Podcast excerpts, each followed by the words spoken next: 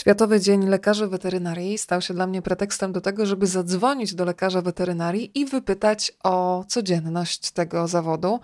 Część tej rozmowy słyszeli już Państwo na antenie Radia Nowy Świat, a jeżeli mają Państwo ochotę na ciąg dalszy, a mam szczerą nadzieję, że tak, to już teraz można się poczęstować. Lekarz weterynarii Franek Paśko, dzisiaj razem z Państwem dzięki temu podcastowi, a zaczęłam nasze spotkanie z Frankiem od zadania mu pytania o to, kiedy tak naprawdę w jego głowie się skrystalizował plan na to, żeby wybrać studia weterynaryjne. Czy to był jasno postawiony cel, czy może był jakiś plan B? W moim życiu sytuacja wyglądała w ten sposób, że moja mama jest lekarzem ludzkim. Ta medycyna, biologia zawsze były obecne w moim życiu. Natomiast mama jako lekarz zawsze przestrzegała mnie i braci, e, żebyśmy absolutnie nie wybierali się na medycynę, gdyż jest to zawód w tym kraju nieszanowany, niedoceniany i nie życzy nam takiej przyszłości, mimo że sama praca jest ciekawa. I to mi w głowie zostało. W liceum byłem w klasie o profilu biologiczno-chemiczno-ekologicznym, więc to jakby cały czas szedłem w tą stronę, chociaż po takiej klasie jest bardzo duży szereg możliwości, ale w trzeciej klasie liceum zdecydowałem, że jednak to będzie weterynaria. E, przyznam Ci się, Franek, że bardzo często po wizycie ze swoim psem w gabinecie weterynaryjnym mam taką myśl, że z przyjemnością bym zamieniła swoją kartę u lekarza rodzinnego na kartę w przychodni weterynaryjnej, bo po prostu na tę wizytę Lekarze zazwyczaj mają dla mojego psa znacznie więcej czasu niż na taką ludzką dla mnie. E, czuję też w tym gabinecie zazwyczaj bardzo dużo empatii i takiej dociekliwości, żeby trafić z diagnozą w e, dziesiątkę. No i zastanawiam się, czy jestem w takich uczuciach odosobniona, czy zdarza ci się, że ludzie, którzy przychodzą ze swoimi zwierzęcymi podopiecznymi, no zdradzają się z takim pragnieniem, że chcieliby zamienić kartę u swojego lekarza rodzinnego na kartę w e, lecznicy weterynaryjnej. No to się słyszy dosyć często. To nie jest tak, że każdy, każdy opiekun po wizycie zaraz deklaruje taką chęć, ale rzeczywiście, no może raz w miesiącu, może, może raz na kilka tygodni, ale generalnie tak, takie zdania pojawiają się w ustach opiekunów, co jest bardzo miłe z jednej strony dla mnie, bo, bo, bo to świadczy gdzieś tam o, o tym, że ja stanąłem na wysokości zadania, że, że, że dobrze wykonuję swoją robotę. No ale z drugiej strony jest to przykre, bo to świadczy o kondycji e, ludzkiej służby zdrowia i to tak, no ale nie mówmy o tym, tak? To mówmy o, o zawodzie lekarza weterynarii, bo to jest fajniejsza sprawa. E, to wróćmy może do początków Twojej praktyki weterynaryjnej. Przypomnij sobie takich pierwszych pacjentów e, i te momenty, kiedy wchodzą te zwierzaki, cierpiące, ale niestety nie potrafiące powiedzieć, co je boli, chociaż no pewnie na swój sposób się komunikują i pewnie sztuka polega na tym, żeby jak najszybciej nauczyć się tego zwierzęcego języka. No to jak? Komunikują, nie komunikują? komunikują się, nie mówią, no bo oczywiście mowa jest dla nas zarezerwowana, ale zdecydowanie komunikują, sygnalizują e, swój stan, swoje emocje, swoje zamiary też i rzeczywiście dużą sztuką jest nauczyć się e, czytać to i wyłapywać i rozumieć. E, ja jestem już po studiach lat ho, ho, ho 16 i, i oczywiście zdecydowanie lepiej rozumiem moich pacjentów, ale wciąż bardzo daleko mi do tego, żebym mógł powiedzieć, że, że wiem, co się zaraz wydarzy z pacjentem, wiem, że, że potrafię przewidzieć ich ruchy. To jest potężna wiedza, którą zdobywa się, ale, ale cały czas właśnie, cały czas się nad tym pracuje. To, tego nie można e, w krótkim czasie mm, posiąść, bo, bo to jest niewykonalne. Natomiast na początku, jako taki żółtodziób w zawodzie lekarza weterynarii, bardzo często byłem podrapany, bardzo często byłem pogryziony, Wynikało też troszeczkę to z mojej brawury, bo, bo ja uważałem, że no, no, trzeba pomóc, tak, więc co tam, że mnie zadrapi, co, że mnie pogryzie, no ja mam, e, nie wiem, oczyścić ranę, podać zastrzyk, już tak mm, strzelam teraz, tak, różne rzeczy robić, ale, ale nie zważałem na uszkodzenia mojego ciała, ale liczyło się dla mnie to, żeby, żeby no, pomóc pacjentowi. Co z czasem, e, nie chcę powiedzieć, że zmieniłem nastawienie, bo nadal chcę pomóc pacjentowi, ale troszkę więcej oleju w głowie mam i trochę bardziej szanuję swoje ręce. Rozmawiamy dziś o zawodzie lekarza weterynarii i tak się zastanawiam, co jest najtrudniejsze e, w tym zawodzie. E, intuicja mi podpowiada, że paradoksalnie, chyba sporym wyzwaniem w tym zawodzie muszą być kontakty, ale nie ze zwierzętami, tylko z opiekunami e, zwierząt. Co powiesz na ten temat? Znakomita większość mm, opiekunów bardzo stara się wypełniać nasze zalecenia, ale komunikacja z człowiekiem jest, potrafi być bardzo trudna często przy, no, powiedzmy sobie, błahych sprawach, chociaż dla, dla zwierzaków nie zawsze są to błahe sprawy, za dane schorzenie, za dany problem u zwierzaka odpowiada właściciel i jego nieumyślność, jego czasami brawura, bo e, tutaj czymś podkarmił, tutaj zwłaszcza teraz jak się zaczyna ciepły sezon, sezon grillowy, to e, właśnie tutaj dadzą jakieś, jakąś karkówkę z grilla, bo przecież tak mm, psiak patrzy i prosi, e, albo, albo nie, nie przypilnują tego, żeby zwierzę po prostu no, nie zjadał. Zwierzak y, bazuje na instynkcie, tak, więc jak chce coś capnąć, to będzie się starało capnąć, a, a rolą tutaj człowieka jest e, uniemożliwienie tego. I w gabinecie, gdy zbiera się wywiad lekarski, bardzo często mm, podejrzewam, a czasami mam pewność, że po prostu mnie właściciel oszukuje, próbując siebie wybielić, tak? Nie po to, żeby, żeby mnie wpędzić w malin, tylko żeby, broń Boże, nie, nie mógł siebie obarczyć winą za to. I z tym się też wiąże bardzo ciekawa e, sytuacja. No, lata temu, gdy przyszła jakaś e, no, właścicielka z psiakiem i z córką, nie wiem, pięcio, sześcioletnią, pies miał problemy jakieś żołądkowo-jelitowe, pytam się, czy, czy jest przestrzegana dieta, czy nie zjada różnych takich dziwnych rzeczy. To też było chyba w okolicy właśnie ciepłych miesięcy, czy nie było jakiegoś grilla.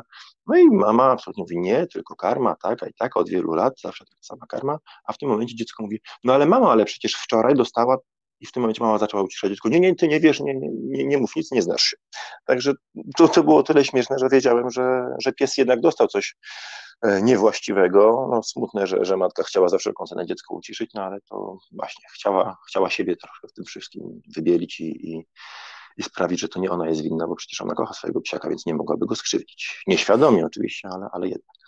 Pracujesz y, jako lekarz weterynarii od kilkunastu lat i tak się zastanawiam, jak często masz w głowie taką myśl, kiedy zamykasz gabinet weterynaryjny po całym dniu pewnie intensywnej pracy, takie przekonanie wewnętrzne w sobie, taką radość, że tak, to była dobra y, decyzja, wybrałem sobie dobry zawód, jestem w odpowiednim miejscu. Takie momenty spełnienia, te momenty spełnienia pytam. Na dobrą sprawę codziennie tak mam. To znaczy, oczywiście są dni, kiedy wychodzę styrany, bo, bo rzeczywiście mm, ilość pacjentów, y, przypadki, z jakimi na danym dyżurze mi się dało, y, mi się przyszło zetknąć, są po prostu wyczerpujące dla mnie intelektualnie i, i często też fizycznie, więc wtedy może sobie gdzieś tam przejdzie przez głowę myśl na zasadzie, a pod diabła to było ale, ale generalnie codziennie jestem y, zadowolony z tego wyboru nigdy go nie żałuję, nawet jak gdzieś tam rękę mam spuchniętą z wielkim ropniem, bo mi przed chwilą coś dziabnęło, to sobie myślę, że to jest tam na chwilę i, e, i zaraz minie, a mm, świadomość tego, że się pomaga zwierzakom też egoistycznie może to zabrzmi, tak, ale wiem, że ja mogę pomóc, tak? że to ja zrobiłem, ja e, uratowałem zdrowie, ja uratowałem nierzadko życie i to też sprawia, że gdzieś tam rosnę w swoich oczach i widzę siebie jako właściwą osobę na właściwym miejscu.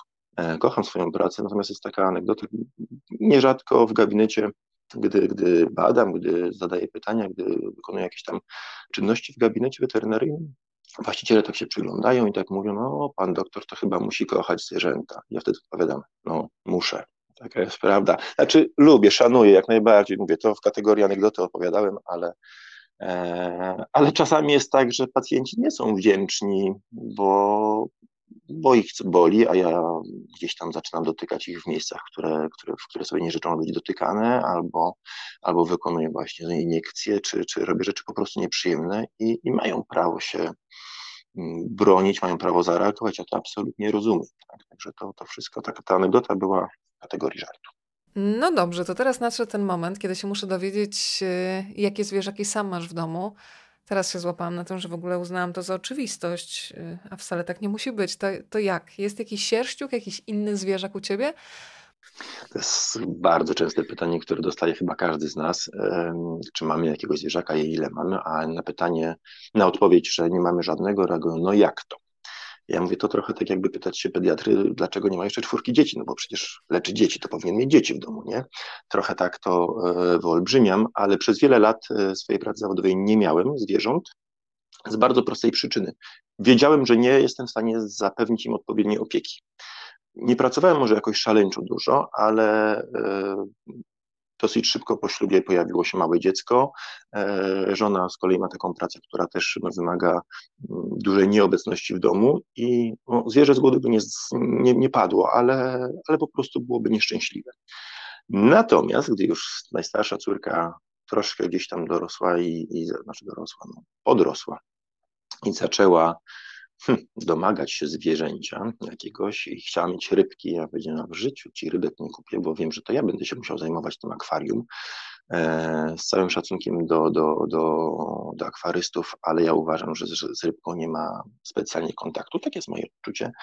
E, więc to byłby tylko taki trochę ruchomy obrazek, który żeby funkcjonował i żeby te zwierzaki w środku w akwarium miały miały komfort, miały dobrze, zapewniony był ich dobrostan, no to trzeba by było solidnie dbać o to akwarium, a znów na to czasu nie miałem. Gdzieś tam przekonałem córkę, że może, może gryzoń nie byłby e, złym rozwiązaniem i wcale tutaj nie myślę o chomikach czy świnkach morskich, ale o koszatniczkach, bo, bo u mnie w pracy są na stałe za, zamieszkały koszatniczki i, i zorientowałem się, że są to naprawdę wdzięczne zwierzaki. Są to gryzonie, które dosyć e, długo żyją, więc to też jest e, mm, nie bez znaczenia, zwłaszcza w przypadku, gdy jest dziecko w domu i ten, ten temat e, no, odejścia zwierzaka śmierci gdzieś tam w końcu by się pojawił. Ale szczęście w nieszczęściu było to, że któregoś grudniowego wieczoru pod drzwiami przychodni ktoś postawił pudełko, pudełko po butach. I jeden z klientów powiedział, że to jest to jakieś pudełeczko ja oczywiście pierwsza myśl, no, aha, ktoś podrzucił kociaki albo szczeniaki, bo to najczęstsze w, w okolicach aglomeracji warszawskiej, e, ewentualnie jakiegoś ptaka rannego. I tak no, ostrożnie uchylam wieko tego pudełka, żeby, żeby na, na mnie przestraszony ptak nie, nie wyskoczył. A tam w środku był żółw stepowy zwierzę zmiennociepne, więc o tyle y, istotna jest ta pora roku, że no ktoś mm, chciał się pozbyć zwierzaka i, w zimę wystawił go na, e, na dwór niefajny. Na szczęście długo na tym, e, nawet nie mrozie, na tym chłodzie nie spędził. Przez mniej więcej miesiąc mieszkał u nas w przychodni, żeśmy go sobie um, udomowili. Ale potem przejąłem e, tę żółwicę, bo to samica, i już od ponad siedmiu lat z nami mieszka i to jest pierwszy, nie sierściuch, bo jak wiem, żółwie sierści nie mają, tylko po prostu zwierzak, ale jest bardzo, bardzo polecam żółwie stepowe, są bardzo kontaktowymi zwierzętami, bardzo ciekawymi i, i wbrew obiegowi opinii można żółwia zgubić. Na szczęście udało nam się go zgubić tylko trzy razy i za każdym razem udało też się nam znaleźć, więc tutaj sukces. A co do pytania o sierściuchy, to jest jeszcze jedna Bura Suka z nami w domu od półtora roku, prawie dwóch lat już właściwie, poschroniskowa, zaadoptowana. W COVID-zie jest z nami mocno związana, gdzieś odbieramy to jako wdzięczność za to, że, za to, że, że zyskała szansę na jakieś normalniejsze życie niż tylko w klatce schroniskowej ale to nie jest absolutnie przytyk do schroniska, bo schroniska odwalają bardzo dobrą robotę i potrzebną, tylko tyle, że no jednak życie z rodziną w domu jest chyba przyjemniejsze niż niż w klatkach i, i być wyprowadzanym nam ze dwa razy dziennie przez chwilę przez wolontariuszy. Więc to są dwa stworzenia, które z nami przebywają. Tak.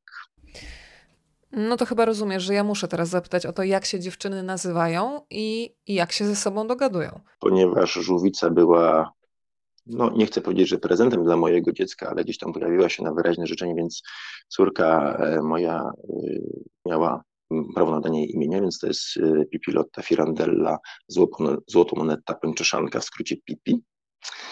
E, to była faza na, na pęczeszankę wtedy, a e, suka jest, e, jest Orisą.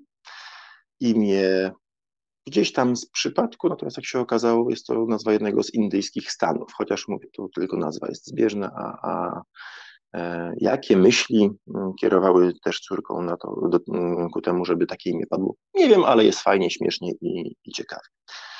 A jak się dziewczyny dogadują? W ogóle się nie dogadują, bo w ogóle nie mówią, ale się.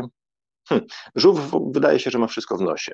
E, to znaczy, podchodzi do, do psa, jak pies leży, nawet czasem próbuje się na nią wspiąć, a Aori się to w ogóle nie przeszkadza. Ona na początku była troszeczkę zdziwiona, co to za ruszający się kamień, tak, wąchała, ale zero agresji, w ogóle żadnej agresji nie wykazywała wobec niej, nie próbowała gdzieś tam łapą trącać, powąchała, trochę tak się może przypatrzyła dziwnie, potem już nie wiem, czy ignoruje, czy po prostu zaakceptowała, że, że ten żółw gdzieś tutaj jest i, i, i się czasem przemieszcza po mieszkaniu, bo generalnie żyje w terrarium, ale czasem jest wypuszczana i, i tak sobie żyją.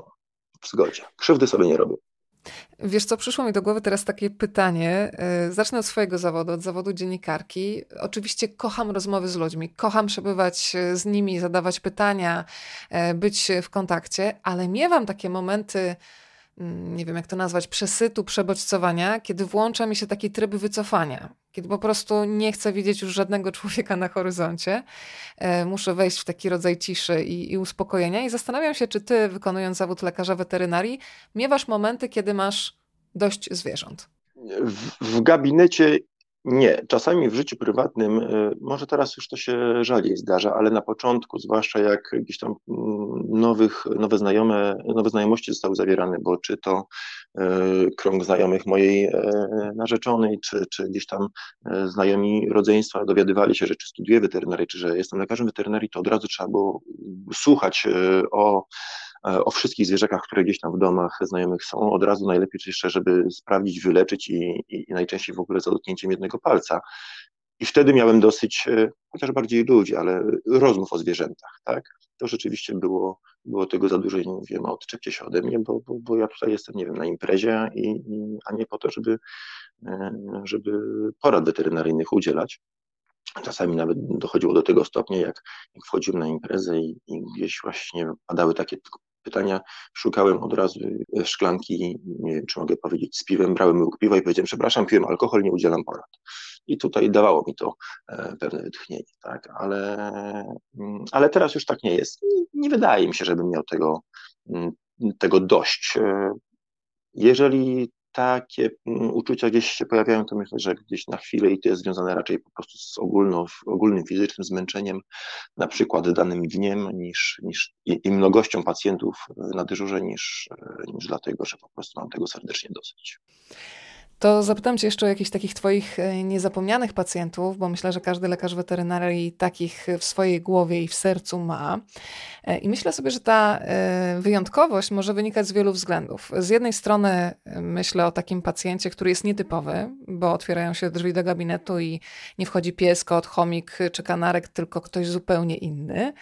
Mm, to może być wyjątkowość na przykład wynikająca z relacji, którą obserwowałeś pomiędzy opiekunem a zwierzakiem, a może jakiś nietypowy przypadek medyczny, zagadka, wyzwanie, które wymagało sporo czasu, żeby postawić e, dobrą diagnozę i doprowadzić ten proces leczenia do szczęśliwego finału. To e, pytam o takich niezapomnianych, wyjątkowych pacjentów, bo na pewno takich masz zapisanych na twardym dysku w sercu i w głowie. Jest kilku takich pacjentów. Koleżanki z pracy śmieją się ze mnie, że ja w ogóle nie pamiętam pacjentów, bo rzeczywiście e, słabą mam pamięć do, i do pacjentów, i do opiekunów, którzy przychodzą z tymi pacjentami. Dopiero rzeczywiście mocno muszą mi się wbić w głowę albo tym, że po prostu często przychodzą, albo jakimś takim, e, no, tym się muszą wyróżnić, żeby mi zapadli w pamięć, ale tak jak powiedziałeś, rzeczywiście jest kilku, kilka zwierząt, które, które w mojej głowie siedzą i chyba nigdy tej głowy nie opuszczą. Może zacznę od takiej strony cieka, ciekawostkowej. Wśród pacjentów był na przykład skunks. E, skunks, który miał problemy nerkowe. On generalnie prowadzony był e, nefrologicznie przez innego lekarza, ale ponieważ mieszkał, e, mieszkali razem niedaleko nas, naszej przychodni, więc jakieś takie mm, zabiegi, badania krwi, Mm, zlecony przez nefrologa, to, to, to myśmy wykonywali i tutaj była chyba taka pierwszy kontakt mój z takim właśnie nieoczywistym pacjentem. Tego też nie zapomnę, chociaż to był bardzo krótki epizod. E, Lotopałanka była u mnie na dyżurze. E, to są, nie wiem, czy każdy sobie zdaje z tego sprawę, ale są to takie szybujące wiewiórki z antypodów, tak? Gdzieś powiedzmy może nie moda, ale, ale jest możliwość jakaś e, hodowania ich i ktoś mm, też e, prowadzony pacjent był przez specjalistów, natomiast do mnie przyszedł w celu wykonania zdjęcia rentgenowskiego, co, co mi się udało. Jestem z siebie dumny, ponieważ e, nie ma, a przynajmniej ja wtedy nie znalazłem nigdzie protokołów znieczulania takich pacjentów, a to jest ruchliwy zwierzak, a to, a to zdjęcie jednakowoż musi być, chociaż przez chwilę pacjent bez ruchu, ale, ale troszeczkę pokombinowałem, pomyślałem, po, po, pobawiłem się w MacGyvera, źle to brzmi teraz w kontekście żywego zwierzęcia, ale wszystko, żadne zwierzę nie ucierpiało podczas tego badania, mogę powiedzieć, i, i udało mi się mm, to zdjęcie wykonać i, i, lekarz, który to zdjęcie otrzymał, też wiem, że, że jakby był zadowolony, to znaczy no, dostał to, czego oczekiwał i to są tacy pacjenci ciekawi, nieoczywiści i, i chyba o nich nie zapomnę. Natomiast e, na zawsze myślę, będę pamiętał e, Mikusia. Mikuś to jest, był, bo już niestety nie żyje, pies pudel, e, u którego zdiagnozowałem cukrzycę. Mm, no, schorzenie, chyba każdy ma jakieś tam pojęcie, wymaga między innymi tego, żeby zwierzę regularnie otrzymywało insulinę. Insulinę w postaci iniekcji. I zazwyczaj y, zakładam, że pacjent jest ustabilizowany, że, że nie ma jakichś załamań w procesach chorobowych. Takie iniekcje insuliny wykonują opiekunowie w domu, bo to nie jest jakaś tam bardzo skomplikowana sprawa. Natomiast Mikuś, a właściwie opiekunka Mikusia, pani Krysia, fantastyczna starsza pani, miała opory przed wykonywaniem tych zastrzegów. Ona mieszkała sama z mężem, powiedziała, że ona nie zrobi, mąż nie przytrzyma, mąż nie zrobi, a nie, nie jest w stanie prosić sąsiadów o pomoc, no bo to by musiała prosić dwa razy dziennie, codziennie, czy świątek, piątek, sobota, niedziela, musiałaby, że tak powiem, e, zawracać im głowę i no zapłakana powiedziała, że no nie, nie da rady, nie, nie poradzi sobie, a z kolei też kocha psiaka i, i, i nie wyobraża sobie życia bez niego ponieważ na szczęście w tym wszystkim mieszkała bardzo blisko przychodni, poprosiłem, żeby, czy jest taka możliwość, żeby po prostu w ramach porannego i wieczornego spaceru zachodziła do przychodni i wtedy będziemy sobie, my jemu podawali e, te insuliny i no i to był bardzo dobry strzał, bo, bo dzięki takiemu systemowi codziennych wizyt porannych i wieczornych pani Krysi z Nikusiem u nas w przychodni. Nikuś jeszcze 4,5 roku pożył w dobrym zdrowiu. No, pod koniec to zdrowie niestety zaczęło się sypać, bo to no nie umiera się z minuty na minutę, tak, ale, ale, ale mówię, no i pies i, i, i myślę, że chyba najwięcej zyskała na tym pani Krysia, która no bardzo emocjonalnie do niego podchodziła i, i, i jego śmierć przeżyła potężnie, ale, ale zawsze była serdeczna, zawsze była też niesamowicie wdzięczna, mimo że myśmy to wszystko robili no, bez, bezkosztowo, to znaczy oczywiście za, za leki pobieraliśmy opłaty, bo, bo tak, ale, ale te wszystkie iniekcje robiliśmy, bo to dla nas żaden problem, a, a jej zwierzęciu poprawialiśmy komfort funkcjonowania i też niesamowicie wpływaliśmy na, na poczucie, na samopoczucie um, pani Krysi, więc to, to, to o, o Mikusiu chyba i o pani Krysi, bo oni będą zawsze łącznie funkcjonowali w mojej głowie, e, nie zapomnę. Drugim takim pacjentem, którego też chyba nie zapomnę, bardzo często powtarzam e, tę historię, tego, przypadek tego pacjenta przywołuję, jak młodsi koledzy, czy studenci, czy, czy, czy już lekarze weterynarii, ale też po studiach e, gdzieś tam przychodzą, czy na praktyki, czy, czy, czy do współpracy. Zawsze przytaczam ten przypadek, kiedy wyleczyłem pacjenta odstawiając leki, e, bo to wiąże się to z pewnym z pewną może niewiedzą, z pewnym e, zaniechaniem ze strony innego lekarza weterynarii, więc tu powiedzmy sobie nie ma znaczenia, ale kociak, młody kociak miał no, zmiany e, chorobowe, zmiany grzybicze na, w, w okolicy twarzy i w pewnej no, renomowanej przychodni warszawskiej, ale gdzie jest bardzo dużo lekarzy, co chwilę miał zlecane inne maści, inne płyny, inne przecierki, inne, inne leki miejscowo nakładane, to znaczy albo maść, albo krem, albo psikanie, albo przecieranie. I ten kot trafił do mnie z taką skorupą z zaschniętych leków, zaschniętych maści na twarzy. Plus oczywiście grzybica, która się nie wyleczyła, bo te zmiany, no jak nie było możliwości dostępu powietrza i cały czas było to mokre, wilgotne, no nie do końca się chciało leczyć. Ja e, podjąłem wtedy właśnie brawurową decyzję, żeby wszystkie leki odstawić. Zostawiłem tylko jeden z preparatów, też nie stricte grzybobójczy, tylko, tylko z chlorheksydyną, który działa odkażająco i troszeczkę osuszająco, plus podałem, wprowadziłem leki immunostymulujące, poprawiające kondycję układu odpornościowego i okazało się, że po trzech tygodniach y, nie było żadnych zmian na twarzy tego kota. Więc tak jak mówię, no, odstawiłem leki, a, a wyleczyłem pacjenta. I to też jest taki przykład, żeby przede wszystkim myśleć. Ja nie odstawiłem tych leków dlatego, że uważam, że e, lekarz się nie znał, bo generalnie każdy z tych leków zastosowany e, w monoterapii, w pojedynkę, miałby szansę faktycznie zadziałać i, i, dać ten sam efekt, który przyniosło moje leczenie, moje postępowanie, ale ponieważ już tam był tak, ta twarz, przepraszam, brzydko powiem, zakitowana, zalepiona, więc stwierdziłem, że już niczym nie będziemy smarowali, tylko, tylko po prostu przecierki, higiena, toaleta i, i podniesienie kondycji układu odpornościowego organizmu i to był no, akurat strzał w dziesiątkę, a na pewno blisko dziesiątki, bo, bo kot jeszcze w dobrym zdrowiu żył, żył długo, więc to, to taki, taki przypadek, że trzeba po prostu myśleć nad tym, co się robi i nie zawsze trzeba dokładać leków, tylko trzeba myśleć o mechanizmie ich działania i o dobrostanie zwierzaka pacjenta, bo to też jest nie bez znaczenia. W tej naszej rozmowie, żeby ona była pełna, musi się też pojawić y, trudny temat, ale taki temat, przed którym nikt z nas nie może uciec. Myślę o eutanazji, o uśpieniu zwierzaka, tak żeby oszczędzić mu cierpienia. Zastanawiam się, jak podejmuje się taką y, decyzję. Y, I jak też lekarze weterynarii sobie radzą z emocjami. Z jednej strony ze swoimi emocjami, z cierpieniem zwierzęcia, ale też e, z rozpaczą często opiekuna zwierzaka, e, bo te emocje też przecież e, przyjmujecie na siebie. Mm, ja pamiętam, że śledziłam kiedyś badania, które pokazywały, y, i przyznaję, że to były takie liczby szokujące dla mnie, że rośnie innymi liczba samobójstw wśród lekarzy weterynarii, bo ten zawód jest szalenie właśnie obciążający psychicznie, emocjonalnie e, i część z osób wykonujących ten zawód po prostu tego napięcia, tego takiego, takiej opresyjności emocjonalnej po prostu nie wytrzymuje lekarze weterynarii są w czołówce właśnie niestety samobójstw z tytułu gdzieś tam no, wypalenia zawodowego, czy, czy, czy no, nie, nie, nie radzenia sobie z, z obciążeniem psychicznym. Tak, tak niektóre badania pokazują rzeczywiście. Jak sobie radzimy? Ja, sobie nie, ja nie powiem Ci, jak sobie radzą wszyscy lekarze weterynarii, ja mogę powiedzieć Ci, jak sobie ja radzę. Każdy z nas przechodzi to e, inaczej. Każdy, nie każdy do tego się nadaje i nie twierdzę, że, że te osoby, które poddają zwierzęcia, zwierzęta e, zabiegowi eutanazji są jakimiś herosami, bo, bo, bo nie o to chodzi. Mm, to, to są wewnętrzne emocje, każdy to przeżywa, przeżywa indywidualnie. Ale od początku odpowiadając na Twoje pytanie, jak, e, jak się podejmuje taką decyzję?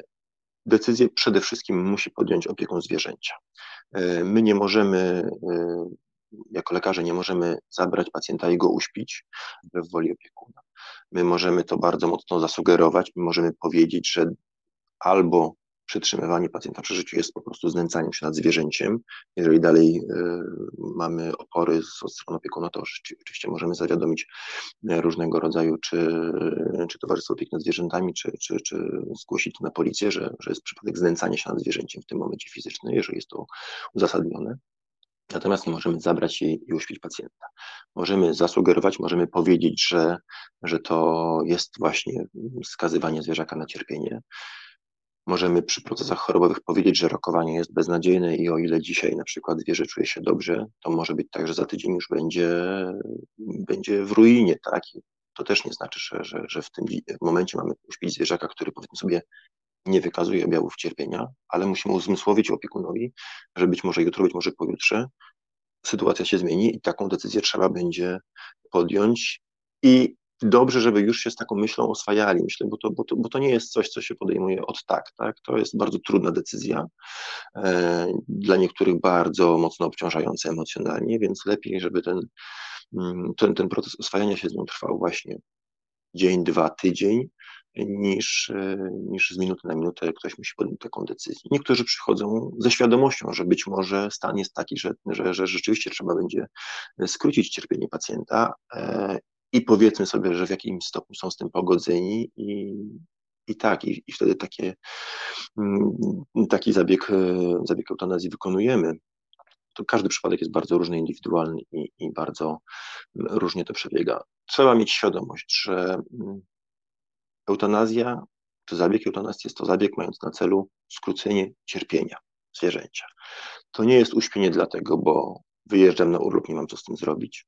To nie jest e, rozwiązanie problemu pod tytułem, bo dzieci mają alergię i, a mi się nie chce iść na przykład i popytać, czy ktoś by nie chciał przyjąć zwierzaka. Ja nie twierdzę, że tutaj trzeba trzymać zwierzę, na które jest uczulone pół rodziny w domu i, i cierpieć, bo, bo nie o to chodzi, e, ale jest, jest cała masa rozwiązań. Jeżeli nie możemy właściwej opieki e, sprawować nad zwierzakiem, bo zmienił nam się charakter pracy, bo wyjeżdżamy, bo zachorowaliśmy, bo nie wiem, rozwiedliśmy się tak i, i, sam nie jestem w stanie mm, zapewnić dobrostanu, to nie trzeba usypiać, tak, to, to można spróbować, e, może ktoś inny przejmie opiekę, może i, i tak dalej, i tak dalej, poszukać, a, a parę razy mi się zdarzyło, że ludzie przychodzili, bo właśnie dzieci są, przepraszam, nawet było tak, że pani jest w ciąży, a jedno dziecko jest uczulone na królika, więc drugie na pewno też będzie i chce uśpić.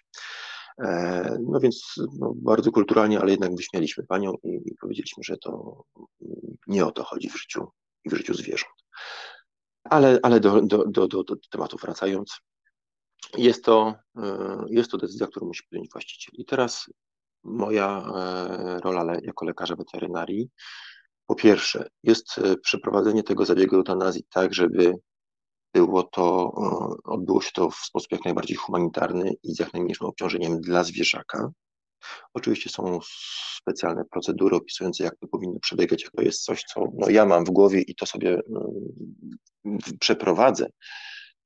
Natomiast druga strona medalu to jest to, żeby w tym wszystkim opiekun zwierzęcia też przeszedł przez ten e, proces w miarę możliwości bezboleśnie. E, nie oczekuję, że, że ludzie będą szczęśliwi, że uśpią zwierzaka, bo tak jak powiedziałem, towarzyszą temu potworne emocje, chociaż zdarzyło mi się parokrotnie, że ludzie mi dziękowali, że w taki sposób to wszystko przeprowadziłem, że oni czują się, oni są, oni e, zrozumieli, że rzeczywiście to był już najwyższy czas, żeby, żeby taką decyzję podjąć i, i że sposób, w jaki tego wszystkiego e, no, dokonałem, jak to przeprowadziłem, był dla nich no, względnie lekki i, i za to gdzieś tam słowa podzięki otrzymałem, co w całym tym no, dosyć specyficznym klimacie śmierci, no, było jednak miłe, tak, że, że, że w trudnych warunkach jestem w stanie sprawić, że, e, że komuś troszkę lżej było na duszy i, i w jakiś sposób e, no, wychodzi z gabinetu pogodzony z tym, że podjął decyzję jednak o uśmierceniu zwierzęcia, tak? Tylko nie można tego o tym myśleć, że pozwoliłem zabić psa, pozwoliłem zabić kota, tylko trzeba o tym myśleć, skróciłem cierpienie, czy wyraziłem zgodę na to, żeby skrócić cierpienie ciężko chorego, nieuleczalnie chorego pacjenta, tak? To, to taka e, trzeba sobie w głowie to ułożyć, to muszą sobie ułożyć właściciele, nie, nie lekarze, bo my najczęściej już to mamy od, od samego początku na dobrą sprawę poukładane w głowie i wiemy, dlaczego wykonujemy, poddajemy zwierzaka eutanazji, wiemy, wiemy, czemu to ma służyć, tak. E, chociaż nie wszyscy z nas sobie dają z tym radę, dla, dla części osób jest to bardzo duże obciążenie. Mam znajomych, którzy e, zrezygnowali z pracy lekarza weterynarii, bo obciążenie psychiczne było dla nich, przepraszam, w klinicznej, pracy lekarza weterynarii, tak, bo, bo cały czas sprawują swój zawód, ale w troszkę innej formie, nie dawali rady psychicznie. To było dla nich zbyt duże obciążenie. W tym temat eutanazji był tym takim no, wiodącym, który sprawiał, że, że to było po prostu za dużo i, i, i ludzie wracali do domu i byli po prostu wrakiem człowieka, psychicznym wrakiem człowieka. Franku, a jak ten mm, proces eutanazji powinien w takich e, sprzyjających, jeżeli mogę użyć takiego sformułowania, warunkach przebiegać? Bo ja pamiętam kiedyś taką wizytę, kiedy przez przypadek zostałam świadkiem. Mm, była taka akurat lecznica z korytarzami, gdzie byłam w trakcie badania swojego psa i nagle ktoś wszedł z psem już po sedacji, czyli tym takim e, wstępnym mm, wyciszeniu psa przed ostatecznym podaniem zastrzyku. No i ten pies, ja tego do dzisiaj nie mogę zapomnieć, wygląda już jak taka kukiełka kompletnie bezwładny. Mój pies y, od tamtego momentu też jest przerażony, jeżeli chodzi o, o, tamtą lecznicę. I też pamiętam, że po wyjściu mm, z tej wizyty ja sobie obiecałam, że jeżeli będę musiała uśpić psa, to chciałabym to zrobić w domu, bo też miałam takie poczucie, że e, ludzie są na korytarzu, mieszają się te nastroje. Jedni się cieszą, bo mają szczeniaczki, drudzy właśnie przeżywają taki największy dramat, ten harmider, tempo no brakowało mi takiego, nie wiem jak to nazwać, takiej godności czy tajemnicy śmierci. E, jak to e, wygląda na co dzień, jak to wygląda na przykład u Ciebie w pracy, u Ciebie w przychodni weterynaryjnej?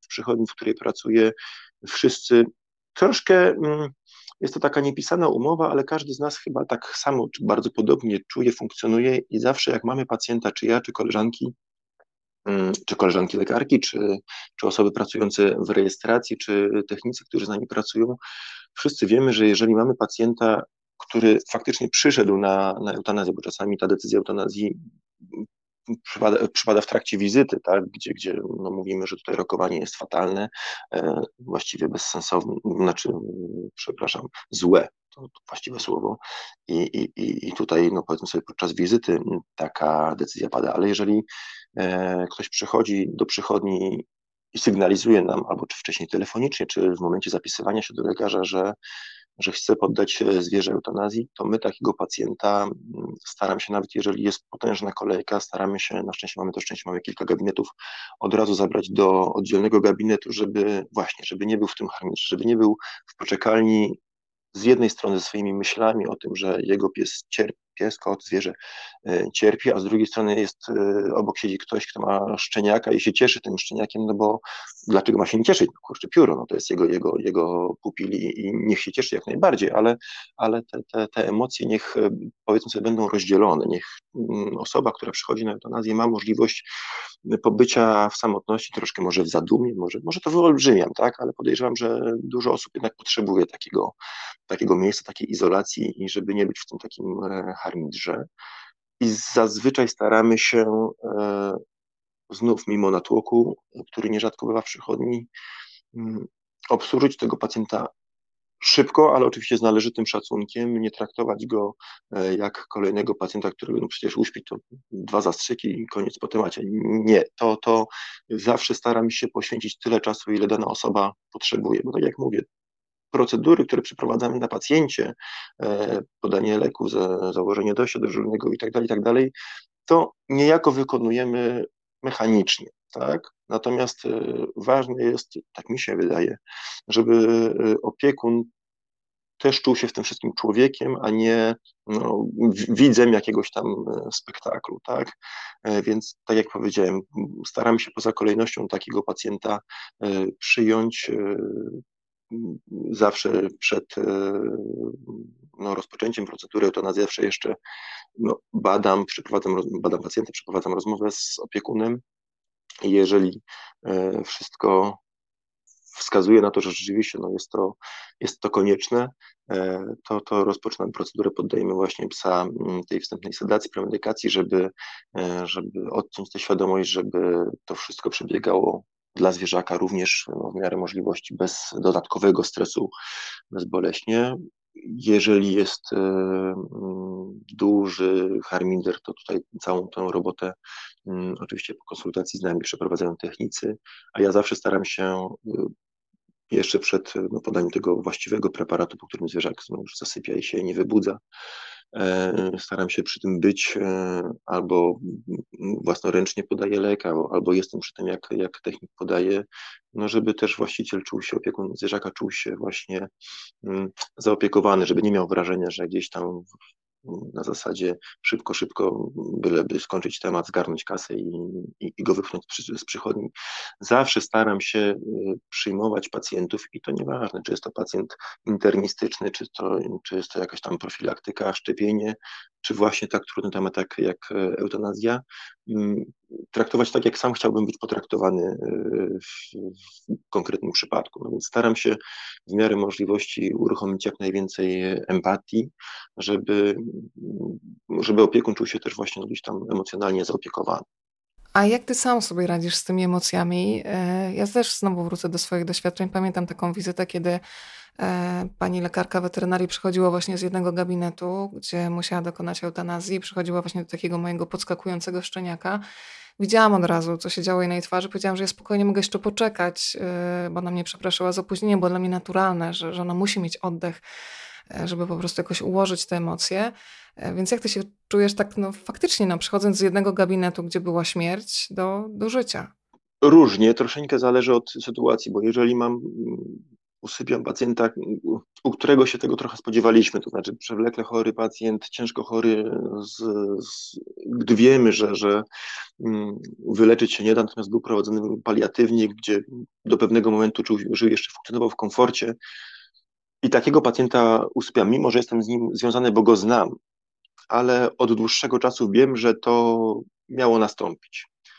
I tutaj takie przejście, powiedzmy sobie, z gabinetu do gabinetu, gdy w jednym gabinecie e, no, usypiam zwierzę, poddaję go eutanazji, a zaraz potem mam pacjenta właśnie z, z jakimś tam rozbrykanym szczeniakiem, to mi nie sprawia dużo trudności może ktoś powie, że jestem nieczuły, ale, ale, ale tutaj rzeczywiście potrafię mm, szybko hm, zmienić maskę, bo z drugiej strony też nie, nie wydaje mi się, żeby dla, dlaczego ktoś, kto właśnie przychodzi ze zdrowym psiakiem, cieszącym się, ma, ja, ja mam go jeszcze obarczać moimi jakimiś takimi przeżyciami, emocjami, bo, no, no, no, bo nie zasługuje na to, tak?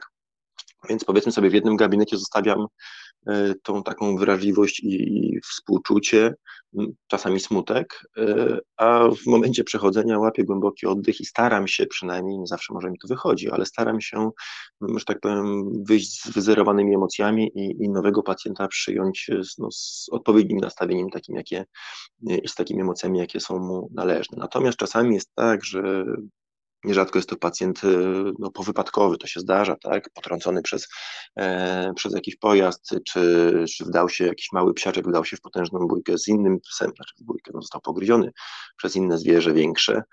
E, I nagle, nie wiem, powiedzmy sobie, byli u mnie zwierzę, był u mnie zwierzak, nie wiem, miesiąc temu na szczepieniu, tak, a dzisiaj e, muszę go uśpić, bo, bo ma tak rozległe obrażenia, że, że, że nie ma co z tym zrobić, tak to tutaj rzeczywiście chyba dłużej to przeżywam. Gdy ta decyzja eutanazji, gdy ta, mm, ten, ten, ten e, smutek, żal spada na mnie jak grom z jasnego nieba, to, to chyba troszkę dłużej mi to zajmuje, żeby się z tym jakoś tam oswoić, pogodzić i być może kolejny pacjent e, czy właściciel, opiekun może odczuwać, że no, że, że, że właśnie, że coś ciężkiego mnie spotkało. Na, szczę na szczęście, nie wiem ile w tym szczęścia, ale bardzo często ludzie właśnie tak jak ty wykazują się dużym zrozumieniem, mają świadomość tego, że no, przed chwilą wykonałem coś niełatwego również i dla mnie z emocjonalnego punktu widzenia i, i może nie, nie żartują sobie ze mną tak jak zazwyczaj by żartowali, bo ja staram się być raczej wesołym facetem w gabinecie, jeżeli sytuacja na to pozwala, więc, więc też szanują te moje no, moje emocje, moje, moje zadumanie czasami. A na ile takiego, nazwijmy to umownie, układania emocji w sobie uczą na przykład na studiach weterynaryjnych? E, często rozmawiam z ludźmi, którzy są na medycynie, będą później leczyć ludzi, przekazywać im też bardzo trudne informacje, i bardzo często w tych rozmowach pojawia się jeden wątek, że bardzo brakuje na studiach medycznych e, no, takiego przygotowania do rozmowy z pacjentem do zaopiekowania się zarówno cudzymi, jak i swoimi emocjami. Zastanawiam się, na ile w zawodzie lekarza weterynarii to jest coś, czego się można nauczyć w trakcie studiów, a na ile to jest coś, o czym decyduje jakaś taka wewnętrzna wrażliwość, empatia. Przyznam się, że nie wiem, jak jest w tej chwili, bo ja studiowałem na początku tego milenium, lata temu, ale gdy ja e, byłem na studiach, takiego przedmiotu, takich zajęć nie było nie było, nikt nas y, nie uczył, nie pokazywał, jak y, właśnie przeprowadzać rozmowę, bo to no wszystko chodzi o, o rozmowę z człowiekiem, bo, bo jednak wszystko to, co powiemy, budzi jakieś emocje, czasami bardzo skrajne. E, nie, te, tego nie ma. Myślę, że to jest y, kwestia właśnie indywidualnej wrażliwości, mm, empatii i, i, i myślenia o innej osobie, żeby w tych trudnych momentach, czy to właśnie na eutanazjach, czy co mówiliśmy, czy nawet przekazania diagnozy zdecydowanie mniej e, niepokojącej, e, ale jednak jakąś tam złą wiadomość trzeba przekazać. Nie, te, te, tego ja przynajmniej i mój rocznik e, lata wcześniejsze nie były uczone, a powinno być rzeczywiście. Znów nie da się tego, emocji nie da się wyuczyć ale jeżeli komuś zostanie wpojone to, jak, na co zwracać uwagę, jak pewne trudne informacje przekazywać w jakiś sposób, to na pewno by to wszystko dużo mm, lepiej przychodziło, dużo zgrabniej się to odbywało, z, mniejszą, z mniejszym obciążeniem dla opiekunów zwierząt. Tak, tak, tak mi się wydaje, oczywiście, no, nie, wiem, nie, jestem, nie jestem alfą i omegą, ale, ale tak to chyba powinno być, tak, tak, takie zajęcia, nawet y, gdzieś tam nie jako odrębny przedmiot, ale w ramach zajęć praktycznych, lekarze, którzy, którzy prowadzą te zajęcia, myślę, że warto, żeby wspominali w większym zakresie niż tylko jednego zdania o tym, że, że, że, trzeba się z tymi emocjami liczyć i że każdy z opiekunów jest e, oddzielny, inny, przepraszam, i, każdy inaczej funkcjonuje, inaczej odczuwa. E, do niektórych, niektórzy stawiają sobie, jak trzeba im przekazać jakąś taką złą wiadomość, już się ją przekaże.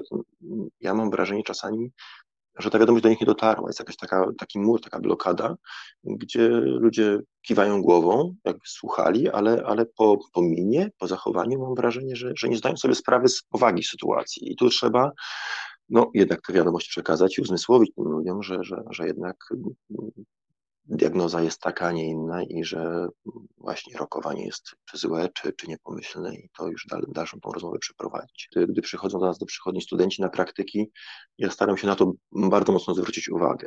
To znaczy, no, niestety pacjenci, których poddajemy eutanazji, zdarzają się nierzadko, więc jest okazja do tego, żeby takiemu studentowi, studentce opowiedzieć o tym, jak to powinno wyglądać, tak? Nie tylko, żeby widział, jak ja to robię, tylko żeby to wszystko było okraszone komentarzem, na co zwracam uwagę, dlaczego na to zwracam uwagę, dlaczego pewne rzeczy są ważne, dlaczego zostawiam e, poczekalnię pełną e, brykających e, zwierzaków, tak, a, a jednak trochę więcej czasu poświęcam w tym drugim gabinecie, gdy, gdy podaję zwierzak eutanazji, albo gdy, gdy właśnie, gdy, gdy, gdy mówię o tym, że nie wiem, złamanie kończyny jest tak poważne, że jednak trzeba będzie amputować, ani złożyć się nie da.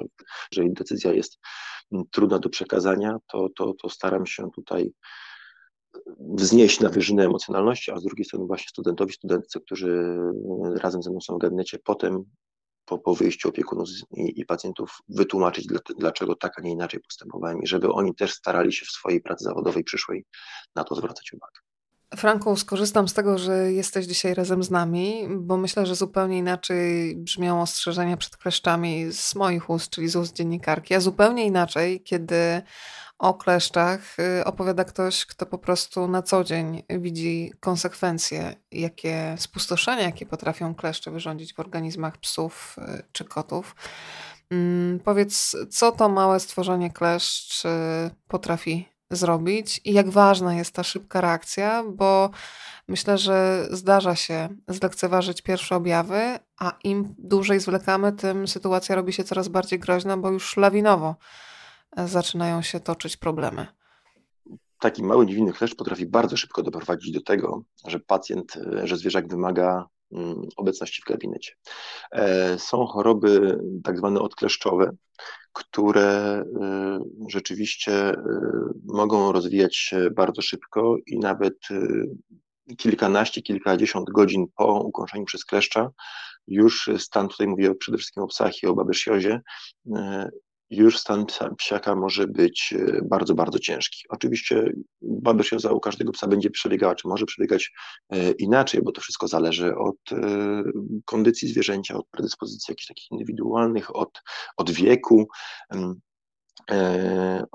od zjadliwości tego pierwotniaka, który wywołuje tę chorobę i tak dalej, i tak dalej, i tak dalej, ale choroba nieleczona, czy grupa chorób odkleszczowych nieleczonych mogą, znaczy doprowadzą do śmierci. Bardzo często, zwłaszcza jeżeli mm, rozpoznanie, a w związku z tym i leczenie zostanie postawione e, i rozpoczęte szybko, mm, udaje się e, wyleczyć takiego pacjenta w, nawet w krótkim czasie. To znaczy, potrafi być tak, że z dnia na dzień, jednego dnia ludzie przychodzą z psem na rękach przelewającym się przez ręce, a drugiego dnia po odpowiednim, e, no mówię najpierw zdiagnozowaniu, zawsze, zawsze leczeniu leczenie powinna poprzedzić diagnoza e, właściwa. Po wprowadzeniu leczenia drugiego dnia już zwierzę może nie bryka i skacze, ale jest na 90% swoich możliwości, nie na 100%, więc to troszkę wygląda czasami, nie zawsze oczywiście, jak za dotknięciem czarodziejskiej różdżki e, i to jest fantastyczne. Natomiast czasami, e, gdy właściciele zwlekają, bo objawy są nieoczywiste, bo bo na przykład, nie wiem, wyjechali, pies był pod opieką mm, jakiejś tam osoby e, serdecznej, owszem, ale, ale tej osoby niekoniecznie chciało się iść do lekarza albo weterynarii, albo nie zauważyła pewnych objawów, no bo była tylko po to, żeby wyprowadzić, nakarmić, a potem, a potem wychodziła z domu, e, to tutaj e, Nierzadko leczenie, owszem, bywa skuteczne, udaje się nam uratować takiego zwierzaka, na przykład zmiany w nerkach, zmiany w wątrobie e, mogą być już e, pokaźne i taki pacjent już no, gdzieś na resztę życia jest, jest no, o, o, obarczony różnego rodzaju schorzeniami. Więc generalnie profilaktyka przeciwkleszczowa powinna e, być wdrożona jak tylko rozpocznie się sezon kleszczowy. Nie po to, żeby się chronić przed kleszczami jako takimi, bo to, że kleszcz tam wypije y, kilka mikrolitrów krwi, to, to absolutnie nikomu nie zaszkodzi i nie, organizm powiedzmy sobie tego nie zauważy w większości przypadków. Ale kleszcze mogą przynosić i przenoszą e, choroby, które dla organizmu psa czy kota mogą być e, nawet śmiertelne. I z tego tytułu trzeba przed kleszczami się chronić. I nie jest prawdą, że kleszcze e, atakują tylko na wiosnę i na jesieni bo wtedy owszem jest największa, największe natężenie tych ataków, mm, tych inwazji kleszczy, ale kleszcze zaczynają być aktywne w momencie, kiedy mamy temperaturę powyżej zera. E, Czyli czasami poprzednie lata były takie, że już w styczniu i w lutym mieliśmy przypadki babesjozy tej choroby kleszczowej, bo było kilka ciepłych dni, kleszcze się wybudzały z letargu i zaczynały żerować. No jak, jak człowiek obudzony ze snu idzie jeść, tak kleszcz wybudzony ze snu idzie też się najeść. Pije krew, a pijąc krew wprowadza nieświadomie do organizmu e, psa pierwotniaki, które już dalej powodują poważne zniszczenie. Także przed kleszczami jak najbardziej należy i trzeba chronić i też nie jest powiedziane tak, że kleszcze są tylko w lesie albo kleszcze są tylko na Mazurach.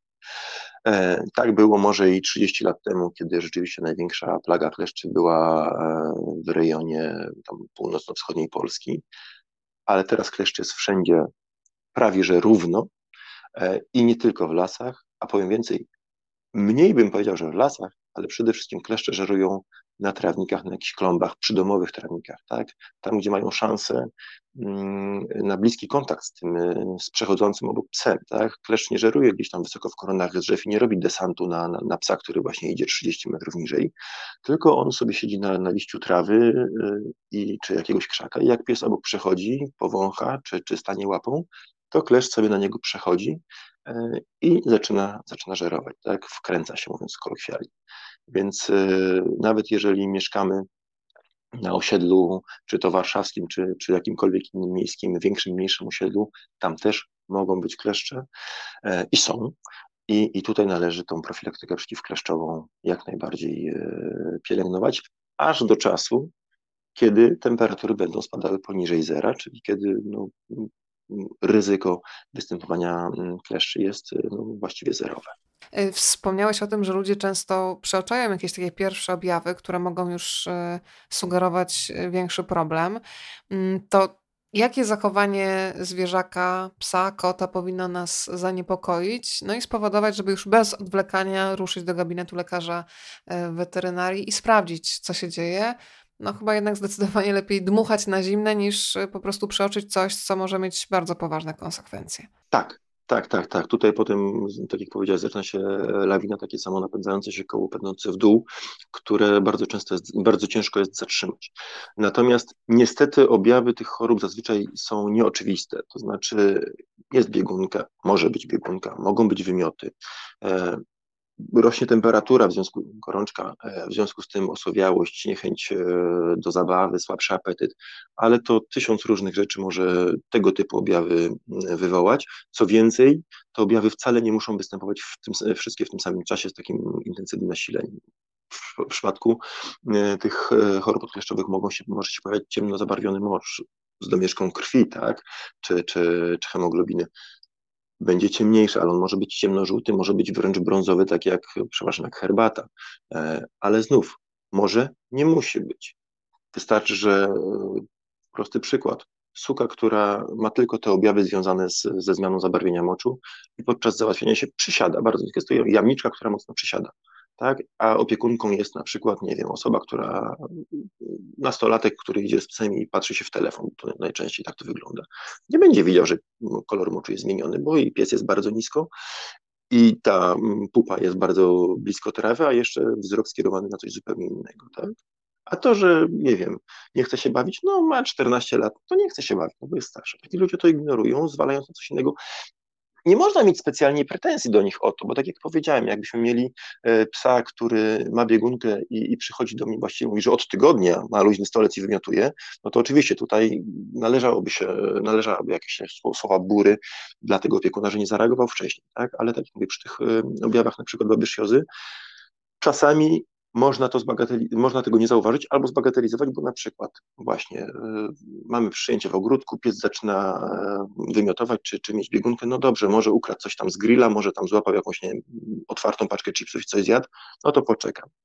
I, i znów Zazwyczaj nie mam pretensji do takich właścicieli, no bo, bo to, że ma biegunkę, no ludzie też nie z każdym przypadkiem biegunki biegną do lekarza, tak? Zazwyczaj próbują sobie radzić z tym e, takimi, że tak powiem, domowymi sposobami e, rozsądnymi i, i często właściciele też sobie tak próbują mm, poradzić, dopiero jak nie mija, e, czy problem się e, nasila, no to, to, to idą do lekarza weterynarii. Także e, zwłaszcza w okresie tak zwanym kleszczowym, zwłaszcza kiedy widzieliśmy kleszcza żerującego na naszym psie, zwłaszcza kiedy y, wiemy, że w otoczeniu, czy to w naszym ogródku, czy na osiedlu jest dużo kleszczy, występuje dużo kleszczy i widzimy niepokojące objawy pod tytułem właśnie wymioty, biegunka, osowiałość. Lepiej, tak mi się wydaje, pójść do lekarza weterynarii w trochę na zasadzie dmuchania na zimno, ale bardzo często zdarza się tak, że to dmuchanie na zimne wcale nie jest dmuchanie na zimne, tylko właśnie na, e, na gorące, na już e, rozpalony płomień, bo, bo okazuje się, że objawy są niespecyficzne, niewielkie, ale choroba już się e, toczy i w tym momencie z naszego punktu widzenia lekarskiego jest to komfort, idealna sytuacja, bo, bo rozpoznanie jesteśmy w stanie postawić bardzo szybko. Kwestia badania mikroskopowego, które zajmuje 5-10 minut i od razu wdrażamy leczenie, które zazwyczaj jest bardzo skuteczne, a ponieważ jest to początek choroby, to jej szansa na pełne wyzdrowienie jest bardzo, bardzo duża.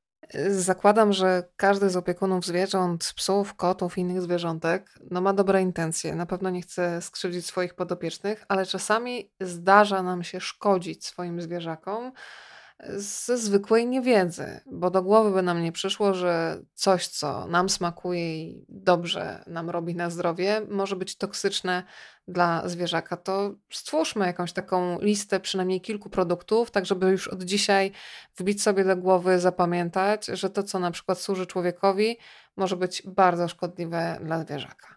Lista jest bardzo duża.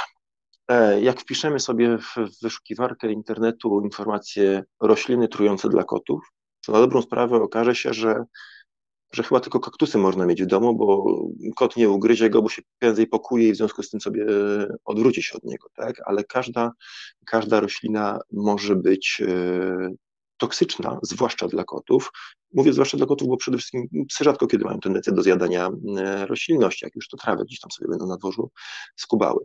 E, natomiast e, konwalie, lilie, co tam jeszcze, tulipany, to wszystko to są kwiaty, które pięknie wyglądają, bardzo często w okresie wiosenno-letnim gdzieś tam są obecne w domu, bo, bo fajnie dekorują wnętrze, E, ale mogą być e, bardzo, bardzo toksyczne e, dla, dla kotów, więc no unikamy, ale też takie rośliny domowe, które na stałe stoją, czy tam gdzieś na, na, na, na szafie, na parapecie, czy, czy innym stojaku dla kwiatów, też potencjalnie mogą być niebezpieczne. Także tutaj, tu odsyłam do, mm, do, do, do, do wyszukiwarki, do internetu, bo tam są bardzo ładnie wymienione te rośliny e, i, i, i można sobie, że tak powiem, zweryfikować stan swoich doniczek z, tym, z tą listą i, i sprawdzić, czy, czy mamy bezpieczne środowisko do funkcjonowania kota. Natomiast jeżeli chodzi o o psy, to tutaj chętnie podajemy im smakołyki, które my sami, my sami sobie gdzieś tam podskubujemy, podjadamy, bo chcemy się podzielić ze zwierzakiem, bo tak ładnie patrzy, bo prosi. Ja tam wychodzę z założenia, że pies nigdy nie prosi, bo, bo, bo, bo nie powiedział słowa proszę, ale, ale wymusza na nas ewentualnie swoim zachowaniem albo wzrokiem. E, ale to już mniejsza o to. Znów w internecie to jest pięknie opisane, ale na pewno rodzynki i e, to, z czego rodzynki powstają, czyli winogrono, tak? E, to są rzeczy, które są, które mają działanie nefrotoksyczne, uszkadzające energii. Ja staram się e, mówić opiekunom zwierząt, żeby nie dawali owoców.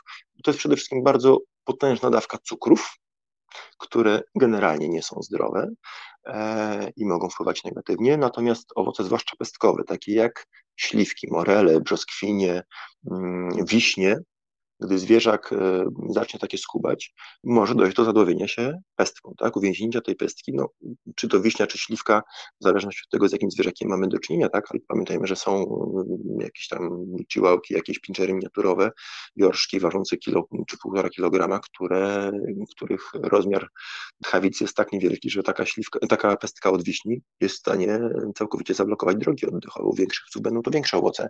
I tutaj na pewno nie powinno być roślin z rodziny rodziny mm, e, amarylkowatych, czyli żadnych cebul, żadnych czosnków, żadnych e, porów, E, nawet jeżeli gdzieś tam zwierzę wykazuje chęć, bo tam na patelni było coś smażone, cebula smażona jest atrakcyjna dla psiaka, nie powinno to być. To może doprowadzić do ciężkiej anemii.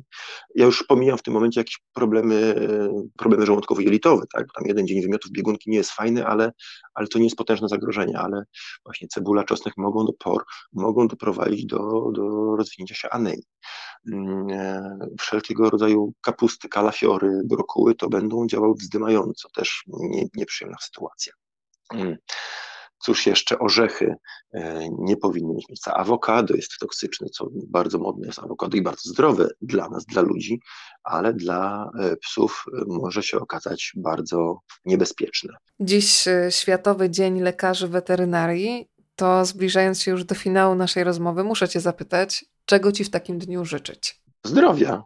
Ja zawsze sobie cenię zdrowie, także chętnie przyjmę takie życzenie.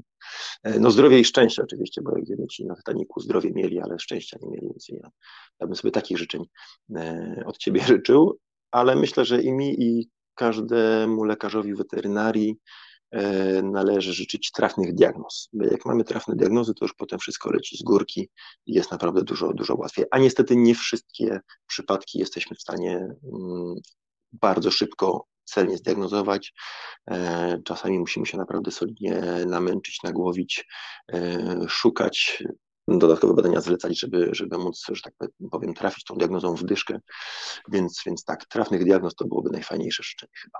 To zgodnie z zamówieniem dokładnie tego Ci życzę i jeszcze w bonusie dorzucę życzenia takich jak najbardziej jasnych wskazówek od samych pacjentów, bo jak powiedziałaś na początku, e, zwierzęta też zdecydowanie się komunikują na swój sposób i trzeba po prostu te komunikaty w odpowiedni sposób odczytać, więc takich cennych e, i jasnych komunikatów od zwierząt też życzę. Bardzo dziękuję za spotkanie. Dziś razem ze mną i z Państwem był lekarz weterynarii Franek Paśko. Dziękuję raz jeszcze. Również bardzo serdecznie dziękuję.